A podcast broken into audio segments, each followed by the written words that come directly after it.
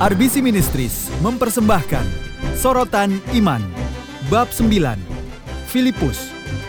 Pria yang siap sedia. Selamat mendengarkan.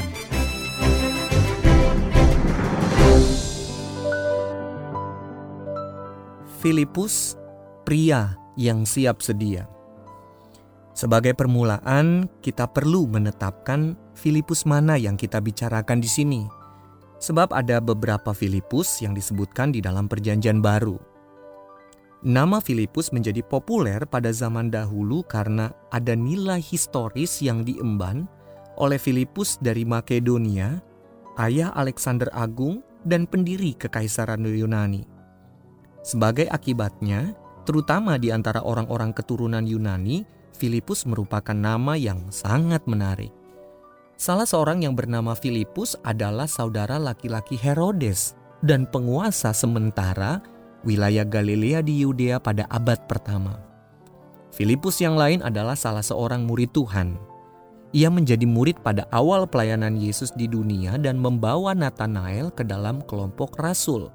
Kita bisa lihat di dalam Yohanes pasal yang pertama ayat yang ke-43 sampai dengan ayat yang ke-44.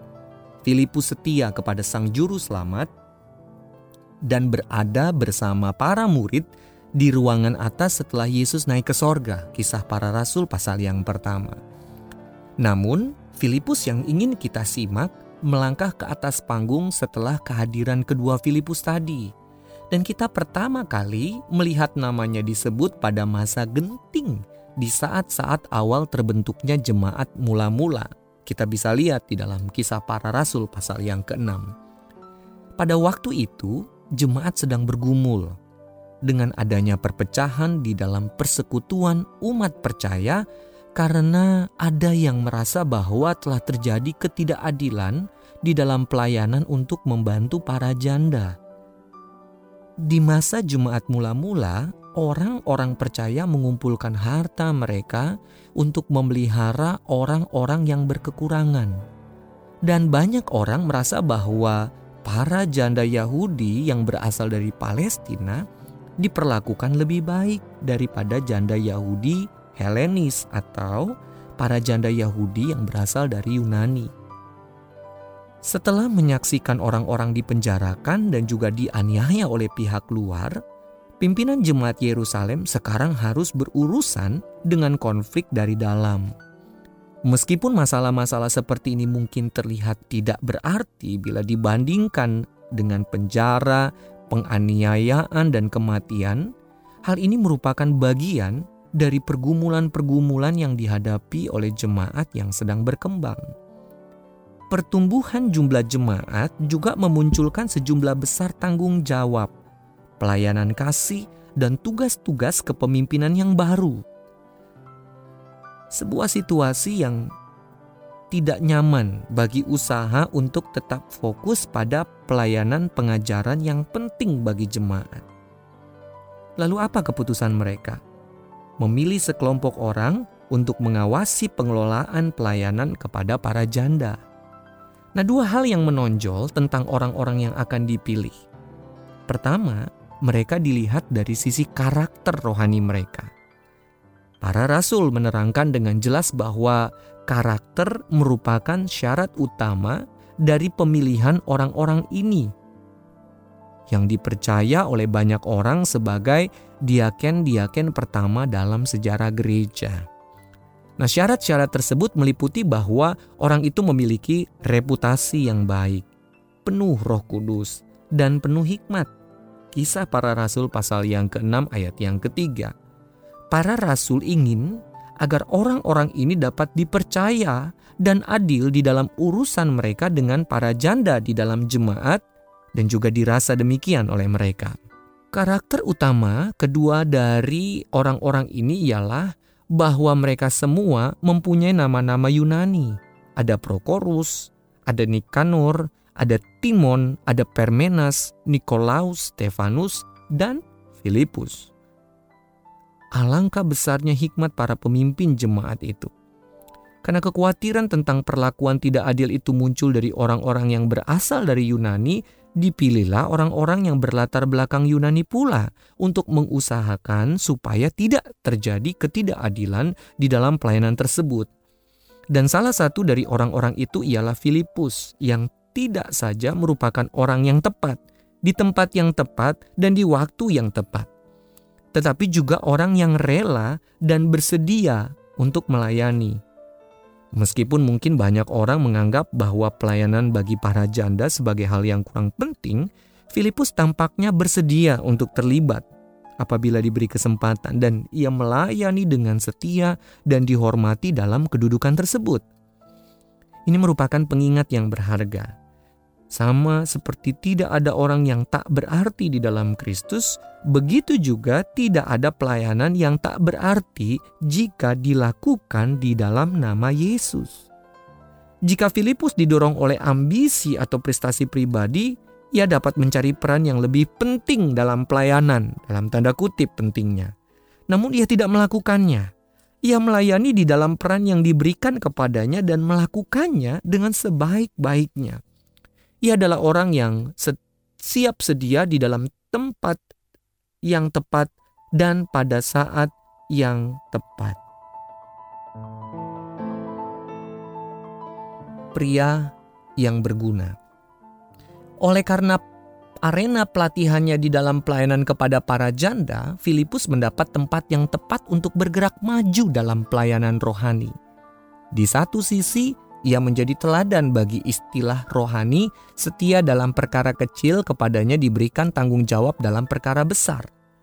Kuncinya tentu saja ialah bahwa ia tidak terlibat dalam pelayanan kepada para janda karena pelayanan itu merupakan jenjang karir yang bagus yang akan membuatnya menjadi sorotan. Ia melakukannya karena pelayanan itu harus dilakukan dan pelayanannya yang setia tak luput dari perhatian orang. Ketika Injil mulai disebarkan ke seluruh wilayah Palestina pada abad pertama, Injil pun mulai memasuki Samaria. Namun, serbuan Injil ke Samaria ini menimbulkan beberapa keprihatinan. Samaria merupakan wilayah antara Galilea di utara dan Yudea di sebelah selatan, dan didiami oleh sekelompok etnis yang sangat dibenci oleh bangsa Yahudi. Kebencian ini sudah dimulai dari ratusan tahun sebelumnya Orang-orang Samaria merupakan keturunan Yahudi yang ditinggalkan ketika kerajaan selatan dibawa sebagai tawanan ke Babel 600 tahun sebelumnya. Orang-orang yang tetap tinggal di Yehuda menikah dengan orang-orang yang bukan Yahudi di daerah itu. Dan keturunan mereka dibenci sebab mereka tidak lagi murni secara etnis. Yesus tentu saja dengan gigi berjuang melawan praduga dan kebencian seperti itu. Ketika berpergian ke Yerusalem dalam satu bagian pelayanannya, Yesus tidak mengikuti kebiasaan normal orang Yahudi waktu itu dengan menuju selatan melalui sisi timur Sungai Yordan untuk menghindari wilayah Samaria. Dia justru berjalan melalui Samaria. Bisa kita baca di dalam Yohanes pasal yang keempat. Di sana Yesus bertemu dengan seorang perempuan Samaria di sebuah sumur di kota Sikar. Seorang perempuan dengan kehausan rohani dan kepedihan pribadi yang besar. Yesus melanggar norma-norma sosial dengan berbicara kepadanya. Tetapi kesejahteraan rohani perempuan itu lebih berarti bagi Yesus daripada menenangkan praduga orang lain. Nah, dalam kesempatan yang lain, Yesus mengejutkan dan membingungkan pendengarnya dari kalangan agama dengan menceritakan sebuah perumpamaan.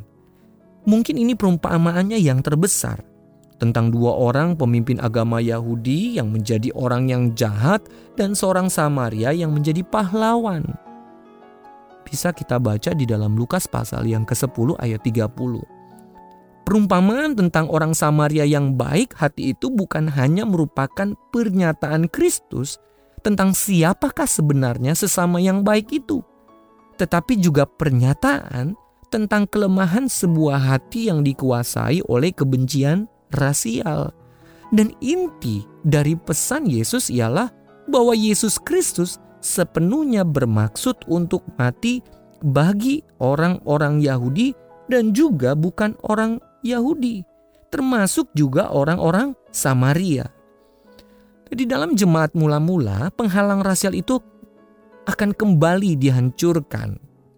Setelah kematian Stefanus, terjadilah masa penganiayaan hebat terhadap jemaat yang dimulai di Yerusalem, yang mengakibatkan sejumlah besar orang percaya berbondong-bondong pindah keluar kota menuju ke tempat aman di mana saja yang dapat mereka temukan. Ketika melarikan diri, mereka membawa berita salib itu bersama mereka dan menceritakan Injil ke mana saja mereka pergi. Filipus adalah seorang dari mereka yang terpengaruh oleh peristiwa ini. Ia menjadi pengkhotbah yang penuh kuasa dan pergi ke Samaria untuk mewartakan Injil Yesus Kristus kepada orang-orang Samaria yang dibenci. Oleh karena Filipus orang Yunani, ia merupakan pilihan yang baik untuk melayani kaum blasteran yang dibenci ini. Mereka tidak memandangnya dengan penuh prasangka dan ketidakpedulian seperti jika mereka menghadapi seorang pengkhotbah Yahudi. Sekali lagi, orang yang tepat di tempat yang tepat dan pada waktu yang tepat. Untuk mampu menembus penghalang-penghalang budaya dan rasial dengan kasih Kristus tidaklah semudah kedengarannya. Kedua belah pihak membawa prasangka terhadap satu sama lain, entah itu akurat atau tidak. Kedua belah pihak membawa sejumlah keraguan, bahkan ketakutan terhadap satu sama lain. Kedua belah pihak sama-sama membawa sejumlah beban berdasarkan pada apa yang telah mereka rasakan, dengar, lihat, alami, atau sangka dan berjuang mengatasi semua beban emosional itu hanyalah merupakan sebagian dari masalah. Jadi pertama-tama seseorang harus rela terlibat di dalam perjuangan itu. Saya dibesarkan di wilayah selatan Amerika Serikat dan sangat menyadari masalah-masalah ketegangan rasial ini. Saya juga dibesarkan di dalam rumah yang boleh dikatakan buta warna. Saya menyaksikan ayah saya bergaul dengan lancar dan mudah dengan orang-orang yang dari latar belakang rasial yang berbeda-beda dan saya kagum terhadap sikapnya. Ia menghabiskan tahun-tahun terakhir masa kerjanya dengan melatih, memperlengkapi, dan mencarikan pekerjaan bagi sebagian warga di wilayah pegunungan yang sangat miskin tanpa memedulikan asal-usul etnis mereka. Hal ini merupakan pelajaran berharga bagi saya untuk mengenal seperti apakah hati Kristus itu. Bertahun-tahun kemudian saya mendapat kesempatan untuk mengembalakan sebuah gereja kecil di California Selatan yang secara indah dan hidup menyerupai tubuh Kristus. Kami mempunyai perwakilan dari banyak kelompok suku. Ada kulit putih, kulit hitam, ada dari Spanyol, ada suku dari Timur Tengah dan juga dari Polinesia. Dan terus terang, Salah satu hal yang membawa sukacita terbesar di dalam pelayanan itu adalah makan malam dengan suguhan yang dibawa oleh masing-masing tamu. Dan ini menjadi makan malam internasional yang luar biasa. Begitu otentik, begitu nikmat dan indah. Namun demikian yang lebih penting adalah kehormatan untuk terlibat di dalam pelayanan di mana ras, warna kulit, bukan merupakan hal yang dipermasalahkan. Bagi saya dan keluarga, pengalaman pelayanan di sana merupakan berkat pribadi yang sangat besar dan seperti menghirup udara segar. Saya sungguh percaya bahwa Filipus yang dengan hati hangat dan tangan terbuka pergi ke orang-orang Samaria dengan kasih Yesus, tentunya akan langsung merasa betah di dalam gereja kami yang kecil itu. Ingatlah bahwa beberapa orang Samaria sudah datang kepada Yesus melalui pelayanan yang dimulainya sendiri dengan perempuan di tepi sumur di Sikar. Orang-orang ini sudah siap mendengarkan Injil. Dan ketika Filipus berbicara kepada mereka tentang Yesus yang telah mengunjungi mereka bertahun-tahun yang lalu, mereka pun menanggapinya. Allah sangat memberkati hati dan pelayanan Filipus dan hasil karya Allah yang sungguh indah dapat kita temukan di dalam catatan di kisah para rasul pasal yang ke-8 ayat yang ke-6 sampai 17. Apa saja itu? Yang pertama, orang-orang percaya tentang berita Kristus. Filipus memasuki kota di Samaria dan menyatakan keselamatan dari Allah kepada orang banyak. Reaksi mereka seperti mimpi yang jadi kenyataan bagi setiap pengkhotbah. Mereka mendengarkan dengan penuh perhatian dan kemudian menanggapinya dengan berkomitmen di dalam baptisan.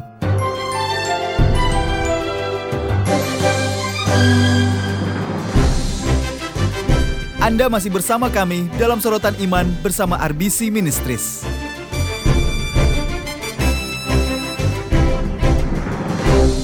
Lalu yang kedua, seluruh kota merasakan dampak dari kehidupan-kehidupan yang diubahkan.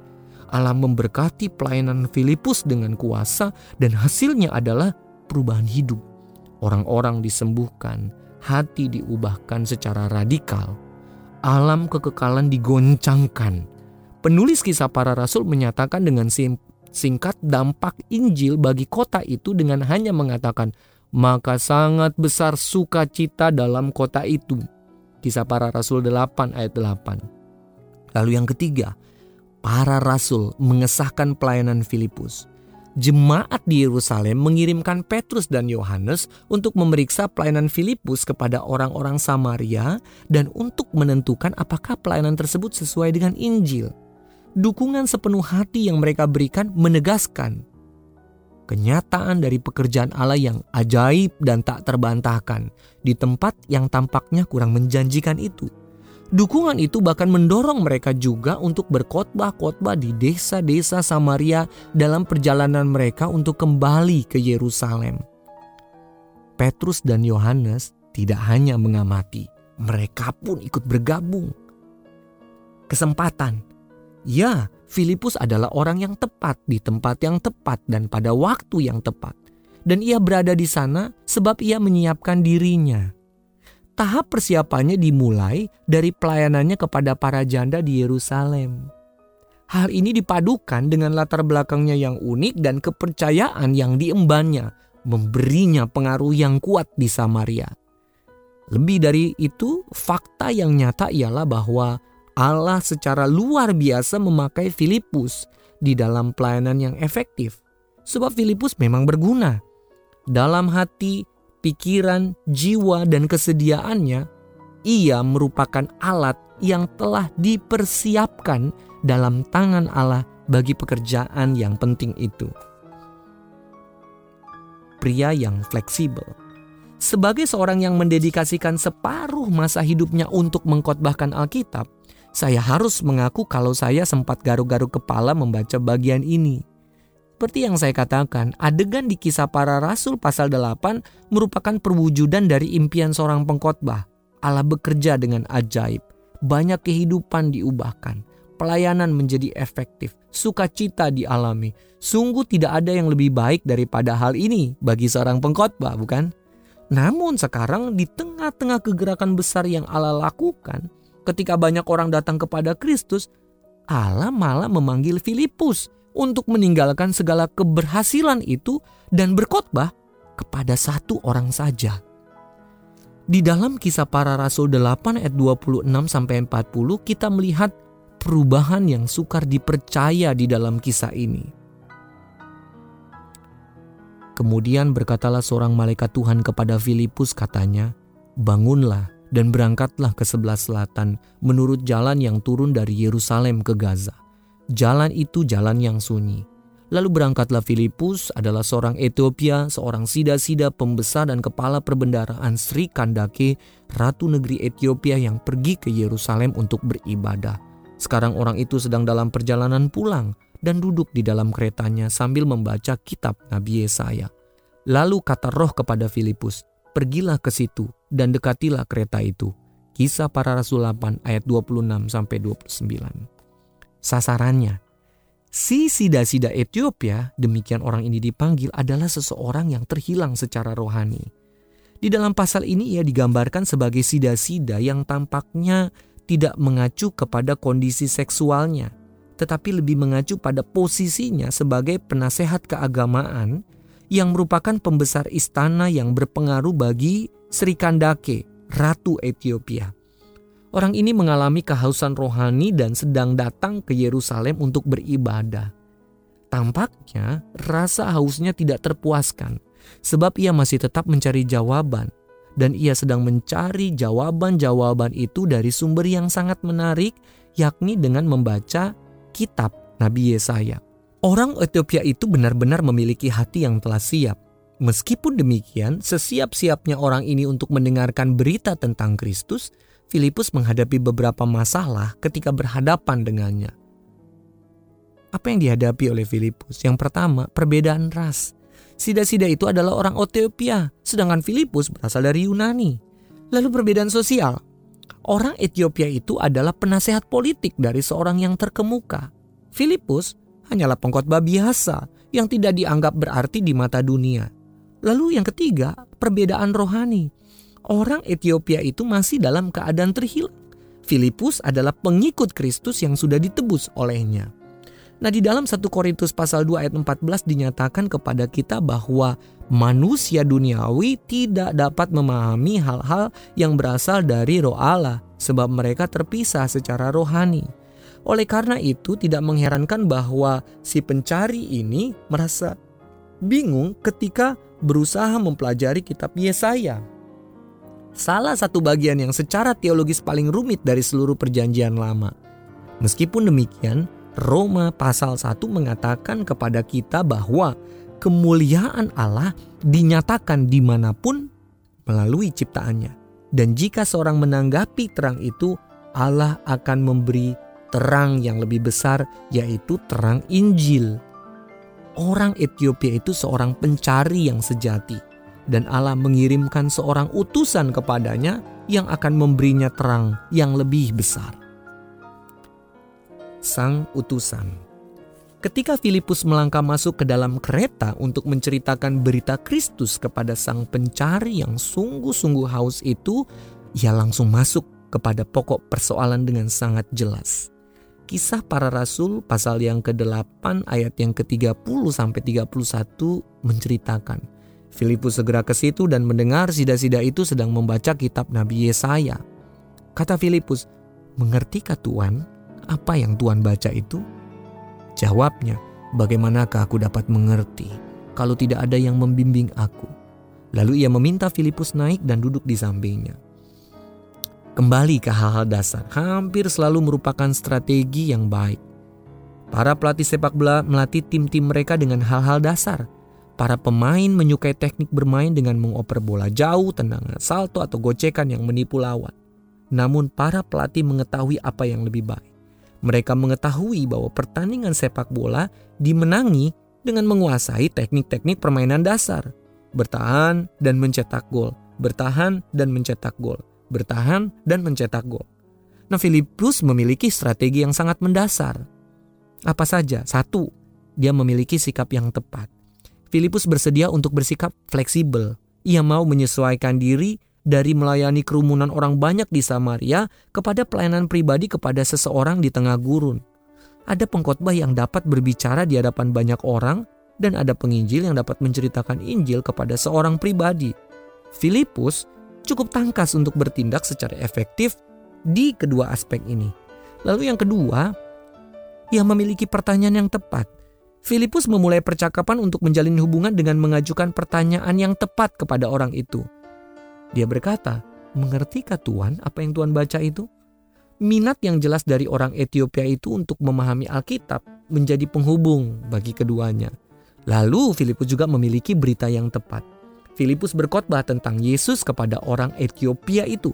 Ia tidak membicarakan filsafat atau memperdebatkan teologi. Ia berbicara hanya tentang Sang Juru Selamat kepada sebuah hati yang lapar akan roti hidup. Ini bukanlah pola yang sangat rumit. Oleh karena itu, pola tersebut sangat berguna dan efektif. Ini adalah pola dasar yang dapat diterapkan ketika kita menjangkau hati-hati yang haus akan Injil. Pola dasar pertama, punyai sikap yang fleksibel, belas kasih, peduli, dan juga rendah hati. Lalu kedua, mengajukan pertanyaan. Model penginjilan dari EE atau Evangelism Explosion adalah cara praktis untuk memulai. Model itu dimulai dengan dua pertanyaan rohani mendasar yang berfungsi sebagai pembuka percakapan. Pertanyaan pertama, jika Anda meninggal sekarang, apakah Anda akan masuk sorga? Lalu pertanyaan kedua, jika Anda berdiri di hadapan Allah dan ia bertanya kepada Anda, mengapa aku harus mengizinkanmu masuk ke surgaku? Apakah jawaban Anda? Lalu yang ketiga, jawaban dari firman Tuhan, ceritakanlah Injil. Ketika orang-orang menanggapi pertanyaan-pertanyaan yang lembut dan tepat itu, kita dapat memberikan jawaban-jawaban Alkitab yang memuaskan hati mereka. Meskipun demikian, pada akhirnya apa yang membuat Filipus berhasil di dalam penginjilan bukanlah tekniknya, tetapi kepatuhannya.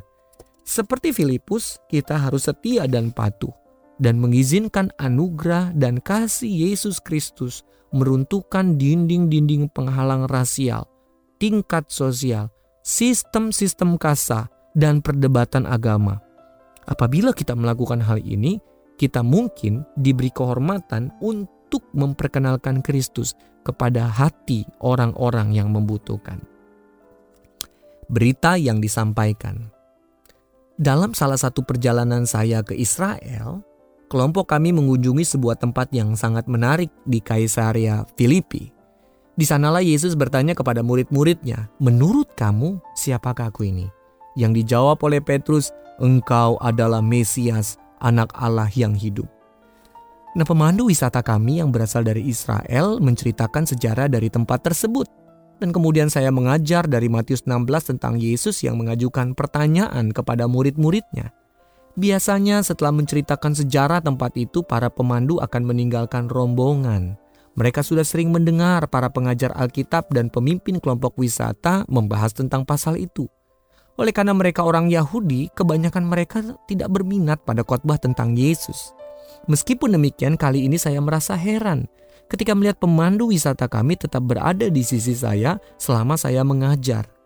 Ketika saya selesai mengajar dan rombongan itu berpencar untuk berfoto, pemandu itu tetap tinggal. Dan tampak jelas bahwa ia sedang memikirkan tentang apa saja yang baru saja didengarnya. Ketika saya bertanya kepadanya apa yang dipikirkannya, ia berkata, "Saya telah memimpin rombongan demi rombongan ke sini selama bertahun-tahun tapi belum pernah mendengar tentang hal ini. Apakah saya boleh mengajukan beberapa pertanyaan kepada Anda? Pada waktu itu saya sangat bersuka cita dapat duduk dengannya. Dan dengan Alkitab yang terbuka membicarakan siapakah itu Yesus. Filipus tentunya merasakan sukacita yang sama ketika ia bercerita tentang Yesus kepada orang Ethiopia itu. Dalam tulisannya, Yesaya menubuatkan tentang Yesus Allah yang menjadi manusia itu. Maka kata sida-sida itu kepada Filipus, "Aku bertanya kepadamu, tentang siapakah nabi berkata demikian? Tentang dirinya sendiri atau tentang orang lain?" Dengan menjawab pertanyaan orang Ethiopia itu, Filipus menuntunnya melalui arti dan implikasi dari nubuatan-nubuatan perjanjian lama tersebut tentang penderitaan Sang Juru Selamat yang telah digenapi dengan kedatangan Tuhan Yesus Kristus. Filipus menceritakan kepadanya tentang juru selamat, lalu memintanya untuk taat dalam iman kepada Kristus. Dan sida-sida itu pun menerima perkataan tentang kasih, hidup, dan anugerah itu. Mereka lalu melanjutkan perjalanan mereka dan tiba di suatu tempat yang ada air. Lalu kata sida-sida itu, "Lihat, di situ ada air. Apakah halangannya jika aku dibaptis?" Sahut Filipus, "Jika Tuhan percaya dengan segenap hati, boleh. Jawabnya, aku percaya bahwa Yesus Kristus adalah anak Allah. Kisah para Rasul 8 ayat 36 sampai 37. Kematian Yesus memberikan pengampunan dosa dan kebangkitannya memberi hidup yang kekal. Tetapi bagi sida-sida Ethiopia ini, keselamatan membawa dimensi hidup yang luar biasa di dalam Kristus yang tak akan jemu kita dengar, yaitu sukacita. Dan setelah mereka keluar dari air, roh Tuhan tiba-tiba melarikan Filipus. Dan sida-sida itu tidak melihatnya lagi. Ia meneruskan perjalanannya dengan sukacita. Filipus telah membawa sukacita Injil kepada sida-sida Ethiopia itu sama seperti ia membawa sukacita dari kuasa salib ke Samaria. Kisah para rasul yang ke-8 ayat yang ke-8. Kemudian Bahkan ketika orang Ethiopia itu masih memuji keajaiban dari anugerah Allah, Filipus pun pergi secepat ia datang. Dalam perjalanan ke suatu tempat untuk menceritakan kepada orang lain lagi berita yang sama, berita yang penuh kuasa dan mengubahkan hidup. Inilah indahnya cara Allah bekerja di dalam membawa orang-orang kepada juru selamat. Seseorang mempunyai satu kebutuhan, orang lain mempunyai solusinya. Allah mempertemukan mereka dan menuai hasilnya.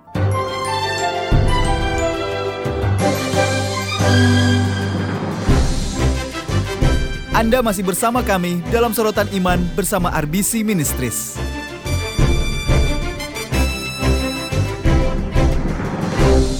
Kita dapat belajar banyak dari kehidupan dan pola pelayanan Filipus serta juga gairahnya.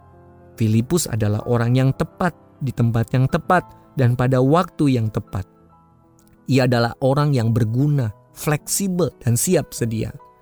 Kristus memiliki Filipus-Filipus di seluruh dunia dan bahkan sudah mempunyainya sejak gereja berdiri.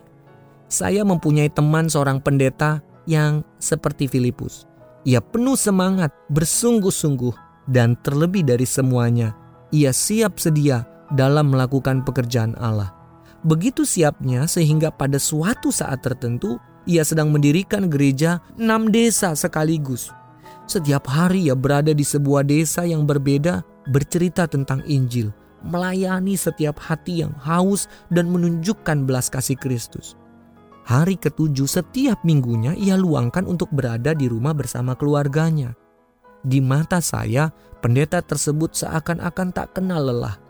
Tetapi bukan keinginan meraih sukses yang memotivasinya. Motivasinya adalah kerinduan yang mendalam untuk menjadi alat di tangan Allah. Motivasinya adalah ketetapan hati yang kuat untuk senantiasa bersiap sedia ada empat prinsip dari kehidupan Filipus yang kita pelajari. Yang pertama, untuk menjadi siap, kita perlu mempunyai sikap yang benar, fleksibel, untuk menyesuaikan diri terhadap kesempatan-kesempatan yang Allah berikan kepada kita. Untuk menjadi siap, kita membutuhkan ketaatan yang benar, seperti perkataan Yesaya yang seharusnya kita ucapkan juga, "Ini aku, utuslah aku." Nah, untuk menjadi siap, kita perlu berita yang tepat, bukan berita yang kurang penting, hal-hal yang menjengkelkan kita, atau tradisi-tradisi manusia, melainkan berita tentang Yesus Kristus yang disalibkan dan telah bangkit. Dan yang terakhir, untuk menjadi siap, kita memerlukan keyakinan yang tepat.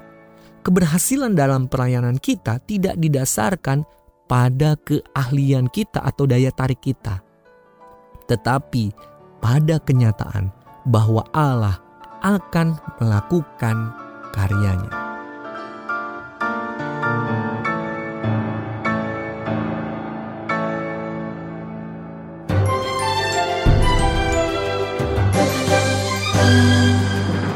Anda telah mendengarkan rangkaian sorotan iman dari bab 9 Filipus pria yang siap sedia.